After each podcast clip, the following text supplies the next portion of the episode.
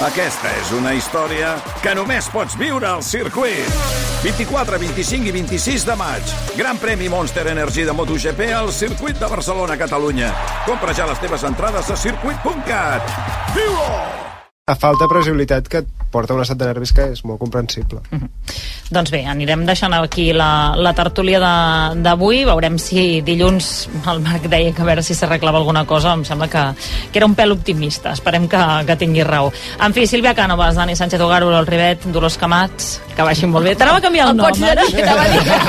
el pots dir Lola. Sí, o Lola encara, encara seria... No, és el teu, és el teu. Va, que vagi bé. Bon cap de setmana. Bon cap de setmana, la setmana que ve. Les 10 i pràcticament un minut actualitzem la informació.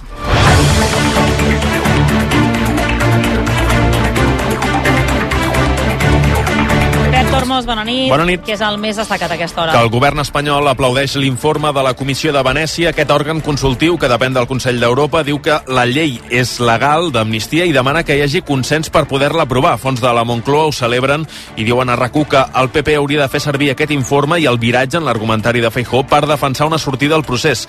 Els populars, de moment, guarden silenci públicament, però fons del partit expliquen que no els va convèncer gens la feina de la Comissió de Venècia perquè els juristes estaven més preocupats de la tramitació de la llei que no pas del fons del que significa l'amnistia. I d'altra banda, Dani Gallardo, que es nega a entrar a la presó i que quedarà, per tant, en crida i cerca. És el jove condemnat a 4 anys de presó per les protestes post-sentència del procés a Madrid, que no s'ha lliurat voluntàriament. Avui era el dia límit. L'Audiència Provincial de Madrid li va notificar que tenia 3 dies per ingressar-hi, però Gallardo no ho ha fet, segons avança el diari Ara. Per tant, en els propers dies la justícia demanarà que se'l busqui. Gallardo és el primer activista del procés condemnat en ferm.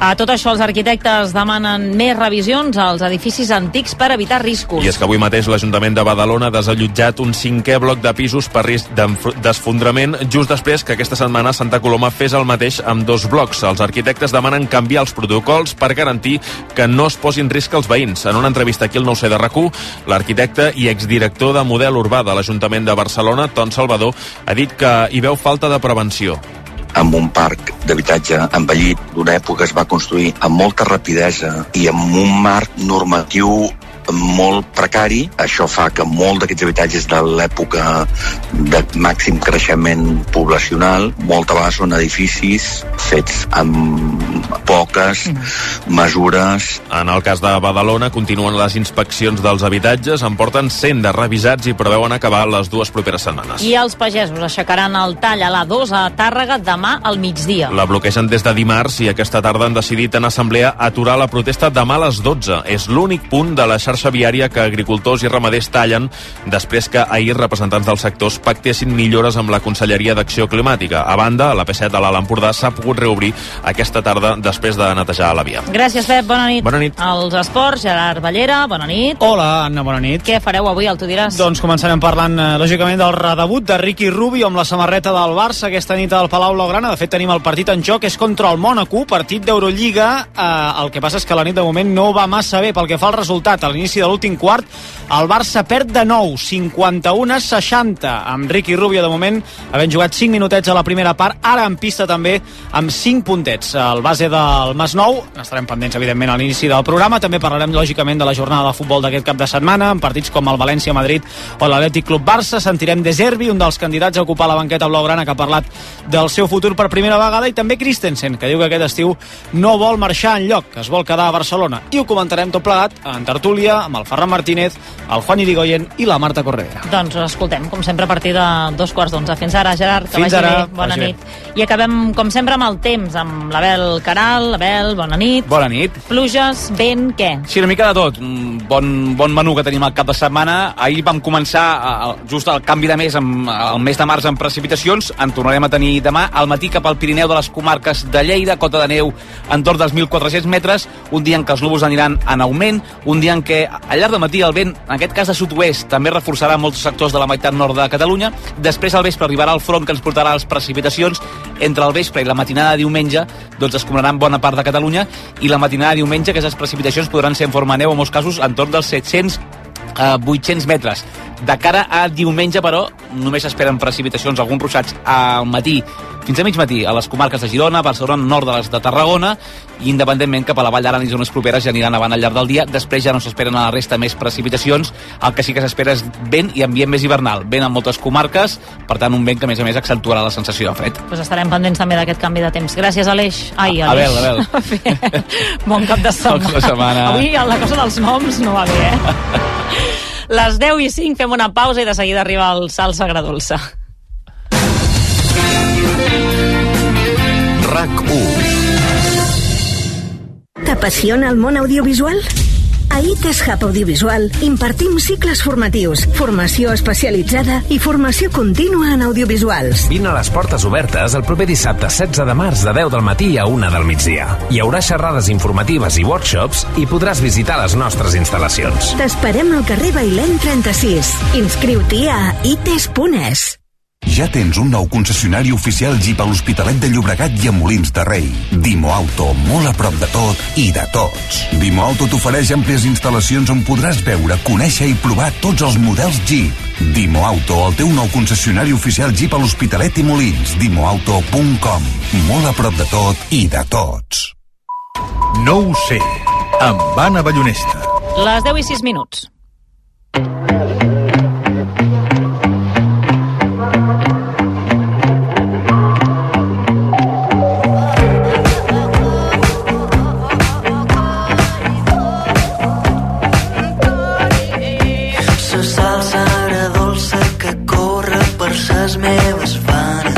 Jordi Garrigós, bona nit, com estàs? Bona nit, molt bé. Divendres, última mitja hora del no ho sé d'aquesta setmana i com sempre acabem amb el salsa agradolça. Avui què? Divendres important. Ah, sí? Divendres important, sí. Ah, Jo val, que val, sí. val, val, ja sé per on vas. Dic, Jo que crec que gràcia sí. missa. Mira, mira, mira que hi ha vegades que aconseguim anar-nos-en per les branques, Sempre. però avui, sempre, però avui ho teníem complicat per no parlar del tema musical del dia, que òbviament és la publicació del primer disc del Guillem Gisbert. Jo diria que no exagero si asseguro que aquest de Masaru, Masurca Mm. és un dels discs que ha generat més expectació de la història de la música Sí, català. no exageres una mica? No, jo crec que no, en absolut. També és cert que abans no hi havia xarxes socials que ajudaven com a mesurar no, quan d'esperat era un disc. A mi em sembla que aquest està a l'alçada precisament del segon disc de Manel, que va ser un disc superesperat. És una pregunta que no sé si se li ha fet a les 10.000 entrevistes que ha fet avui el Guillem, però que em, em sembla guai, que no sé si la sensació de pressió que té és similar a aquell segon mm. disc, o bé ja, Mira. en plan, sóc un tio superexperimentat, Bona pregunta. però, però vull dir, són dos moments com importants en la seva carrera. En qualsevol cas, avui s'ha estrenat el disc, que ja es pot escoltar a les plataformes de streaming i comprar a les botigues físiques de discos, i si et sembla, nosaltres escoltarem Càntica de Montse, que és una de les Sí. cançons que havia anat estrenant ja aquestes últimes setmanes.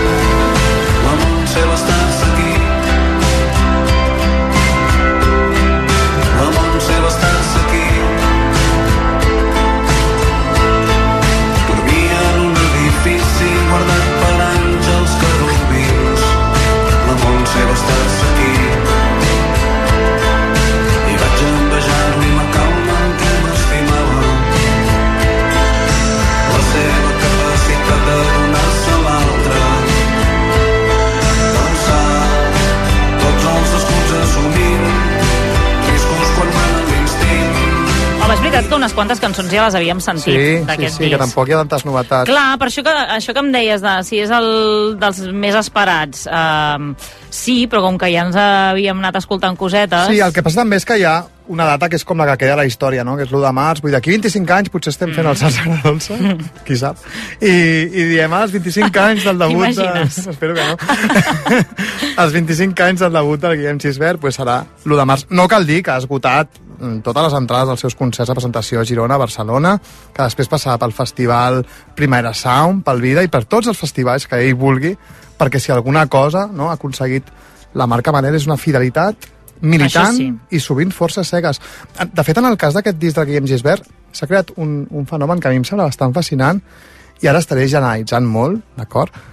Però diria que les cançons que va avançar, sobretot les primeres, van ser rebudes de bones a primeres amb certa taviesa, Mm, no? sí, pel, sí. pel públic.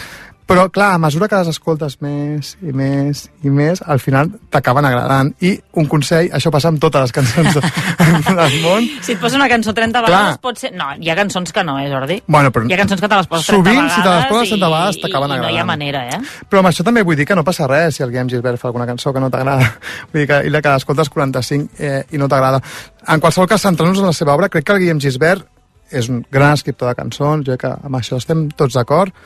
Fer el que fa ell amb cançons de 3 minuts o de 4 minuts, explicar his- històries com les explica, Més aviat de 4 Sí, més de 4. Algunes més de, de 4. 5. Jo crec que està a l'alçada de qui vulguis a nivell internacional. Aquí hem tingut grans escriptors d'històries, penso per exemple en el Gato Pérez.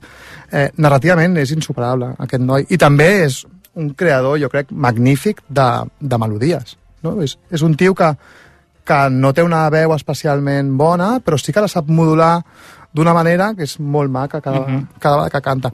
Dit això, i ja acabem amb el, amb el Guillem Gisbert, jo tinc un pro problemes més de Ah, que concepció... avui no parlarem només del disc, no? No, del no, només Gisbert, parlarem del, del Guillem Gisbert. Però sí que et volia explicar que jo tinc una mica de problema amb la concepció que hi té de la cançó. Això és pels, pels que, per aquesta gent que pensa, hosti, a mi m'agraden molt els dos primers discos de Manel, després Mhm. què va passar? Jo crec que el Guillem fins a cert punt, no diré que menysprea, però sí que fa molt temps que no li interessen les cançons acadèmiques del pop. Vull dir, De l'estructura regular, no? Exacte. Vull dir, el pop té una estructura molt regular, que és allò de, de vers, tornada a vers, i ella aposta doncs, per coses més complicades, so, sovint cançons que no tenen ni, ni tornada. A mi això, com a concepte, eh, no és una cosa que m'agradi gaire, i jo tinc la sensació potser equivocada, de que ell ho veu com una cosa menor. I clar, llavors tenim aquesta com dicotomia, en plan, jo sé que si Guillem Gilbert fes aquestes cançons més fàcils, Fent-les amb l'estructura habitual, potser... Sí, a, a, jo crec que a mi m'agradarien un pèl més, o com a mínim crec que costarien menys d'entrar, que entrarien més de primeres. També tinc la sensació que ell és molt fan de gent com el David Pine dels Talking Heads o del Jarvis Cocker de Pulp, que també Sí. els ha passat. Vull dir, el, el Jarvis Cocker no fa les mateixes cançons ara que quan estava en pal i són molt més eh, recargolades, per dir-ho d'alguna manera. Eh, en qualsevol cas, haig de reconèixer que acabo de- d'explicar tot això i que benvin, benvolgut és una cançó que no té tornada. Mm. I és una de les meves cançons I de les preferides. meves també, sí, I sí. no té tornada, si ho Absolutament. penses. Eh, Però clar, és, com una història que te la pots imaginar tant que jo només sentir les primeres notes ja tinc com si veiés el videoclip de la pel·lícula, Absolutament, que això és el absolutament. que et condueix, potser més que una estructura clàssica Sí. en el cas d'aquesta cançó, que és brillant per mi. Sí, però clar, eh, és de, per mi és una genialitat fer una cançó com aquesta i que passi la història, perquè és clarament una cançó històrica, unes grans cançons del segle XXI en català, i que no tingui una tornada reconeixible. Quina és la tornada? Sí, benvolgut, es va fer un dia. Però, en general, no és una cançó amb una gran tornada, és una cançó que el que és xulo és el que explica i com ho explica. I amb això és imbatible, aquest noi. Absolutament, sí, sí. Bé, en qualsevol cas, no sembla que els Manel s'hagin acabat malament, no? Tot el contrari, de fet... Entre ells no. Entre ells no, de fet el Martí mai molt, baixista, li està portant temes de manejament, així que tot bé.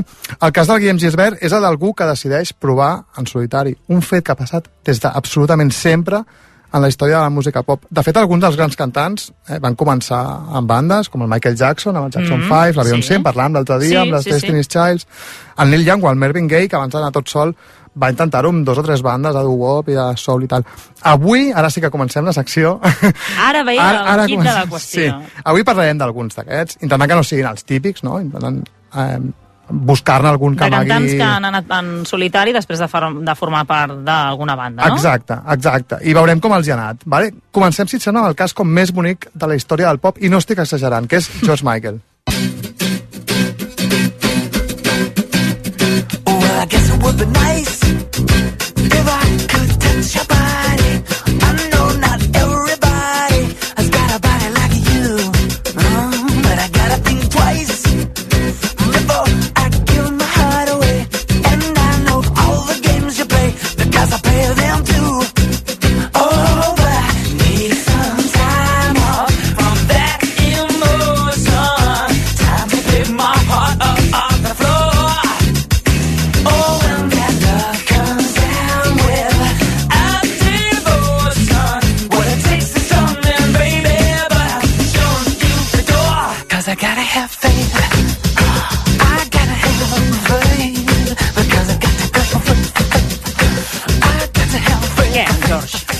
Aviam, hi ha, hi ha poques representacions més de la dècada dels anys 80, no?, que Wham i que el George Michael. Això era Faith, que no va ser el seu primer senzill en solitari, però sí el seu super primer èxit internacional i la cançó més icònica del seu primer disc, de l'any 87. El que és que el George Michael és molt paradigmàtic i s'ha repetit moltes vegades a la història de, del pop, que és algú a qui clarament li queda petit un projecte encara que el seu era un projecte amb un èxit enorme. Ja, però necessitava alguna cosa més, no? Exacte. Jo crec que van acabar fent coses que a ella no li interessaven. En el seu cas, el projecte, evidentment, era Wham, amb què havien creat cançons superpopulars. És que Mhm. inclús jo diria que avui el Michael, Jack, el, el Michael Jackson, el George Michael, no té una cançó com Wake Me Up, eh, Wake Me Up Before You Go Go o Last Christmas, que són cançons de Wham, no les va fer i en solitari. Com a mínim a, a, aquí a Catalunya no Mm. són tan conegudes. Eh, però sí que és veritat que el que feien amb Wham doncs, tenia aquest rotllo d'adolescent, super encarat al fenomen fan, Totalment. i això ell una mica se'n cansa. De fet, eh, hi ha un moment que ells eh, decideixen trencar i la seva història és una història d'absolut amor i d'exaltació a l'amistat. Ells es van conèixer, ells, ells són el George Michael i l'Andrew eh, Ridley, ells es van conèixer a primària, a l'escola, i de fet, i aquesta és la... Moltes històries, eh? Comencen a, a l'escola de músics. Però això és, això és molt bèstia, perquè el George Michael era un nen superacomplexat, era molt lleig, eh, ell s'ho deia ell mateix, que era com l'aneguet lleig a la classe, els bullies l'atacaven sense pietat, el George Michael, llavors l'Andrew va sortir Mm. com l'únic noi de la classe que el defensava.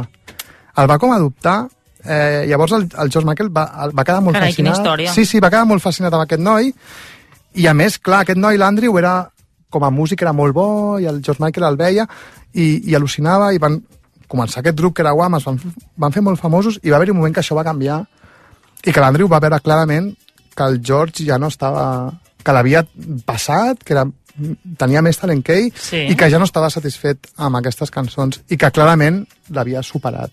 Uau, l'Andrew, no? Dir, de sí. petit el No, defensa i de gran li diu, escolta, Sí. em vola sol perquè tu vals més que el que exacte. podem Fa fer exactament junts. això. Li diu, tio, vés-te'n tu sol. A més, l'ajuda molt perquè el George Michael va tenir molts problemes en acceptar la seva sexualitat, tal, Sí. i l'Andrew va estar ajudant-lo al 100%.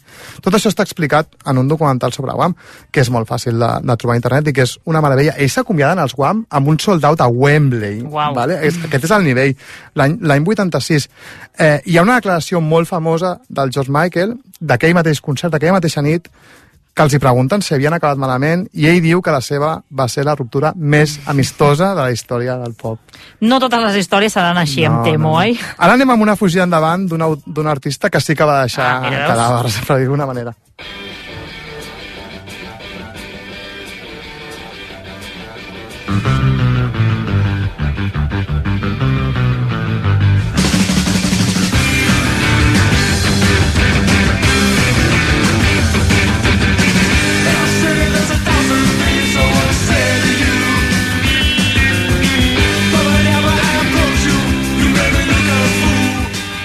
Paul Weller eh, i The Jam són un cas molt similar, molt similar als Smith, que Ah, parlàvem l'altre dia. Sí. que és una banda que porta literalment 40 anys separada.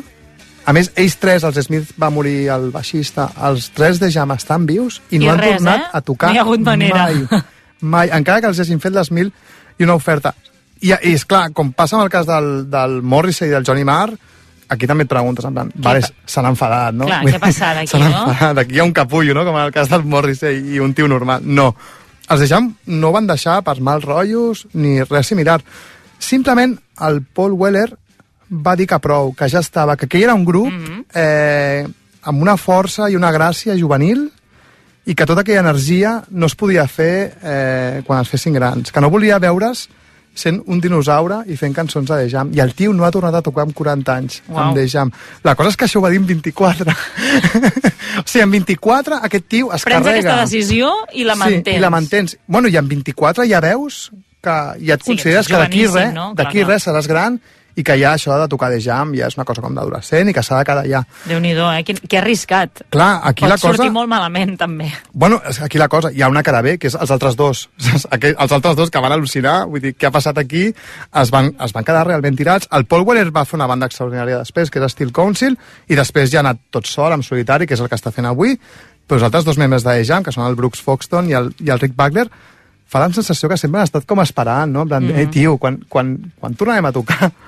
I han passat 40 anys Pues i no, que i no em sembla que, que, que, no, que no estiguin aquí esperant gaire més perquè li veig poques opcions, eh? No, no, que va, que T'imagines va, que, que els dos estan allà esperant com... amb una cadira. No, el que sí que és veritat, no, han fet, ells han fet com una mena, que és una cosa tristíssima, han fet com una mena de banda de tribut de Mm, Jam, ui, ai, que es ai, diu ai. Up the Jam, sí, sí, és horrible. Uf. Ja et dic, a mi em sembla impossible que avui dia tornin a tocar mai més junt. També et dic que aquest tipus de coses solen passar quan un grup se sustenta absolutament amb una figura, Ja. Que és el Paul Weller. Tornant al cas de, del Guillem i de Manel, jo diria que, per exemple, l'Arnau Ballbé ha tingut molt a veure amb com ha sonat el grup. L'Arnau Ballbé. Sí, per Mhm. exemple, avui, avui escoltava una producció que ha fet el Boi, és superxula. Sí, Vull dir sí, que és, és un tio que, que ha ajudat molt, i els quatre, jo crec que els quatre, també l'Arnau, ai, l'Arnau, el, el Martí també, el baixista, el, el guitarrista també, el Roger, tots... Vull dir, no és una cosa com el...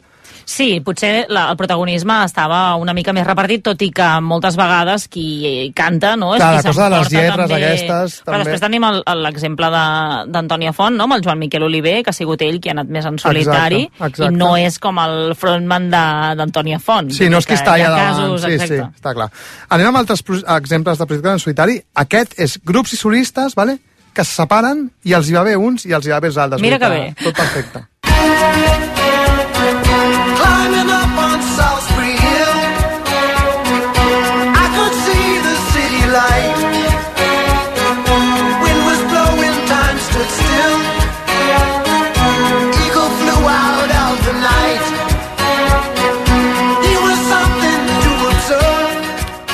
observe. El del Peter Gabriel i els Genesis és un d'aquells casos en què la marxa del seu cantant per fer un projecte, projecte en solitari, solitari acaba sent un win-win per totes les Mira, parts. no, no ho tenia controlat, aquest. Sí, és com tot el contrari del que passar amb el, va passar amb el Sid Barrett de Pink Floyd, que és com que quan el van fer fora, perquè el van fer fora, ell que era l'absoluta ànima del grup, Pink Floyd va anar cap amunt i ell va anar cap a baix, aquí no. Ja aquí tenim exemples de tot, eh? Sí, aquí els dos van com cap amunt. De fet, Genesis és el projecte de vida de, del Peter Gabriel, el grup que va formar amb els seus amics a l'escola, s'hi va estar tota la primera etapa. Mhm. Més o menys treuen discos entre el 69 i el 74, que treuen 5 o 6 discos. És l'etapa del rock progressiu, són bastant avorridots en aquell moment, el Genesis. Ells tenen èxit a Anglaterra, vull dir, és un grup que té un número 3 a les llistes Sí, sí, d'Anglaterra. no passa allò desapercebut. No ser desapercebut, però tampoc és una banda en plan que vull dir, a Europa, als Estats Units no són tan coneguts. Mm. Mm. Ells sí que són una banda com molt respectada, rock progressiu, rock progressiu tocant superbé, corrent amb el Brian Eno, tot molt bé. El que passa és que el, el, el Peter Gabriel centrava molt l'atenció, Ja. vale? i això els altres membres del grup ho portaven No fatal. portaven, no, ja. ho portaven fatal. Això també és un què, eh? De dir, Clar. com es reparteixen aquests egos. Uh, Bueno, quan tens un geni a la banda, també una mica amb els Smith. Hi ha gent que ja li va bé, eh? També, no? Hi ha gent com, com Sí, que, que molt la professió línia. de música, diu, mira, jo vinc aquí, toco, i l'altre que, que faci... Que faci. Que, exacte, que s'exhibeixi més, no? No, ell, ell sí que és veritat que feia totes les cançons, totes les. Va haver-hi un moment que s'enfadava quan, quan el, com que el corregia, no li deien, "Ah, això no està bé, tal. Va haver-hi un moment que ell va tenir una criatura i va voler com aturar la banda i els del grup li van dir Sí, home. fins aquí, aquí. Llavors, és, el Peter Gabriel és el típic exemple de tio que ha d'anar en solitari. Un paio que es disfressava de l'escenari i li encantava ser el centre d'atenció, s'enfadava, això, si el, el contradeien, vull dir, tio, has d'anar sol, has de volar sol, perquè Clar. això no va bé. I dit fet, ho va fer l'any 75, va deixar Genesis, i aquí ve la cosa curiosa, que és que al Peter Gabriel li va anar molt bé, però és que a Genesis li va anar encara millor, perquè un cop van prendre la decisió de marxar, van posar el Phil Collins, que era el bateria, el van posar a tocar, a cantar, i ve, és, ve una etapa de 20 anys, que és l'etapa que, que venen doncs, més discos de sempre, així que tots contents. Anem amb el següent. Check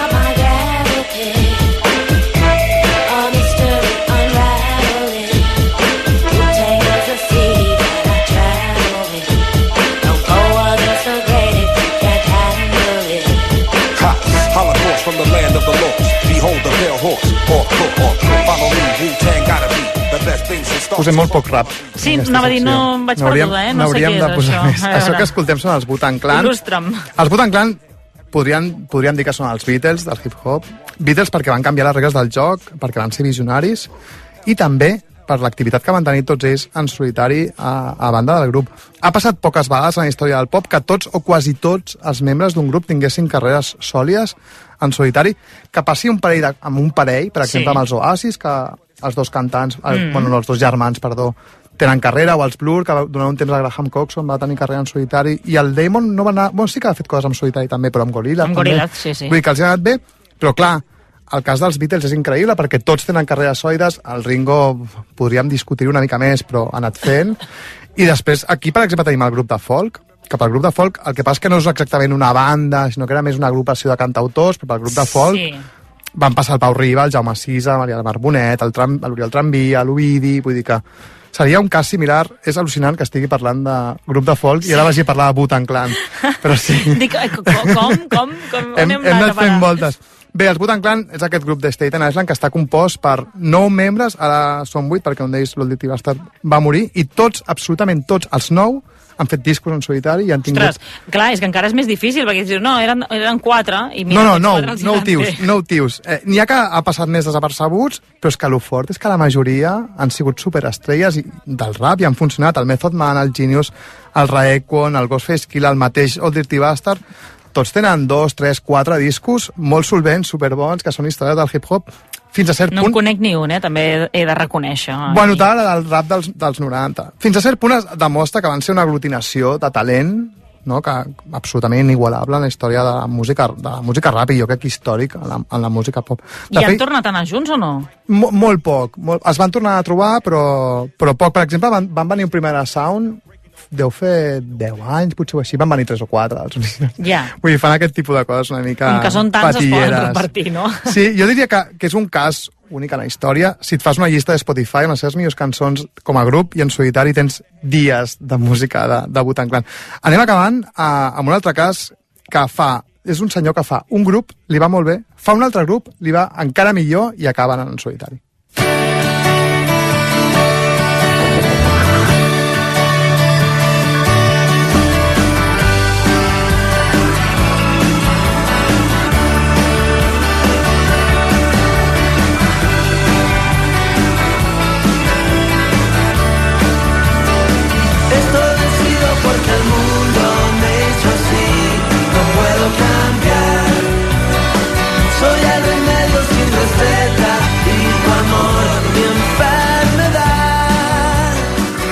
No, parlo, no, no parlaré d'Andrés Calamaro, Ah, bueno. tot i que podria parlar moltes hores. Sí, t'agrada? Sí. Per què ho has dit així, com amb Bueno, perquè és un petita? cas que has de clarament separar l'obra de la persona. Perquè mira que m'agrada, però és un gran cretí. És un cas molt semblant al Morrissey, també. Sí.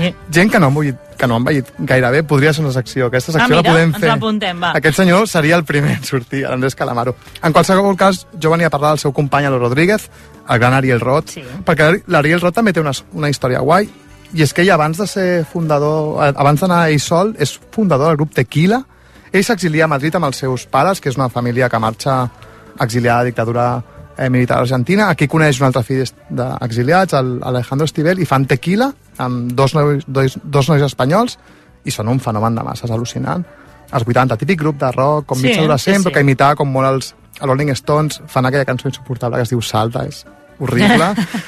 Encara sona, eh, aquesta. Sí, sí, i fan, eh, fan tot també el, el, el, el típic recorregut, no?, aquest de rock de l'època, fenomen de masses, tots, absolutament tots, addictes a la droga i s'acaben dissolvent perquè és tot un drama. Això els hi va passar a Tequila, vale? La cosa és que Ariel Roth va fer això i li va tornar a passar amb Los Rodríguez. vegada. Exactament igual li va passar amb Los Rodríguez. Eh, va ser com aquell meme d'aquell tio que, tor que diu que, que fa oh shit, we, will come Eh, again. sí. Pues és exactament, va fer això amb Tequila, després li va passar amb los Rodríguez, tots drogats, perduts, no sé què, tots fatal, amb un èxit increïble, perquè les cançons estan, estan molt guais i el calamar Sí, és molt xulo. sí, sí. De nou dissolució i ara sí, eh, carrera en solitari. A dia d'avui encara va fent discos, també va, va presentar programes de tele, ja té 63 anys, però és ben bé un cas xulo no? d'algú que ha enca- encadenat Que s'ha anat eh, sabent recol·locar d'alguna sí, manera, no? Sí, i al final doncs, ell va sol i, i ja està bé. I ara sí que acabem amb Sí. un cas d'èxit, que aquest ens toca molt a prop, és el Joan Garriga, ex Minguet, ex de Trobar Kung Fu, i des de fa uns anyets en projecte amb solitari entre cometes, perquè va amb el mariachi galàctic. Joan Garriga.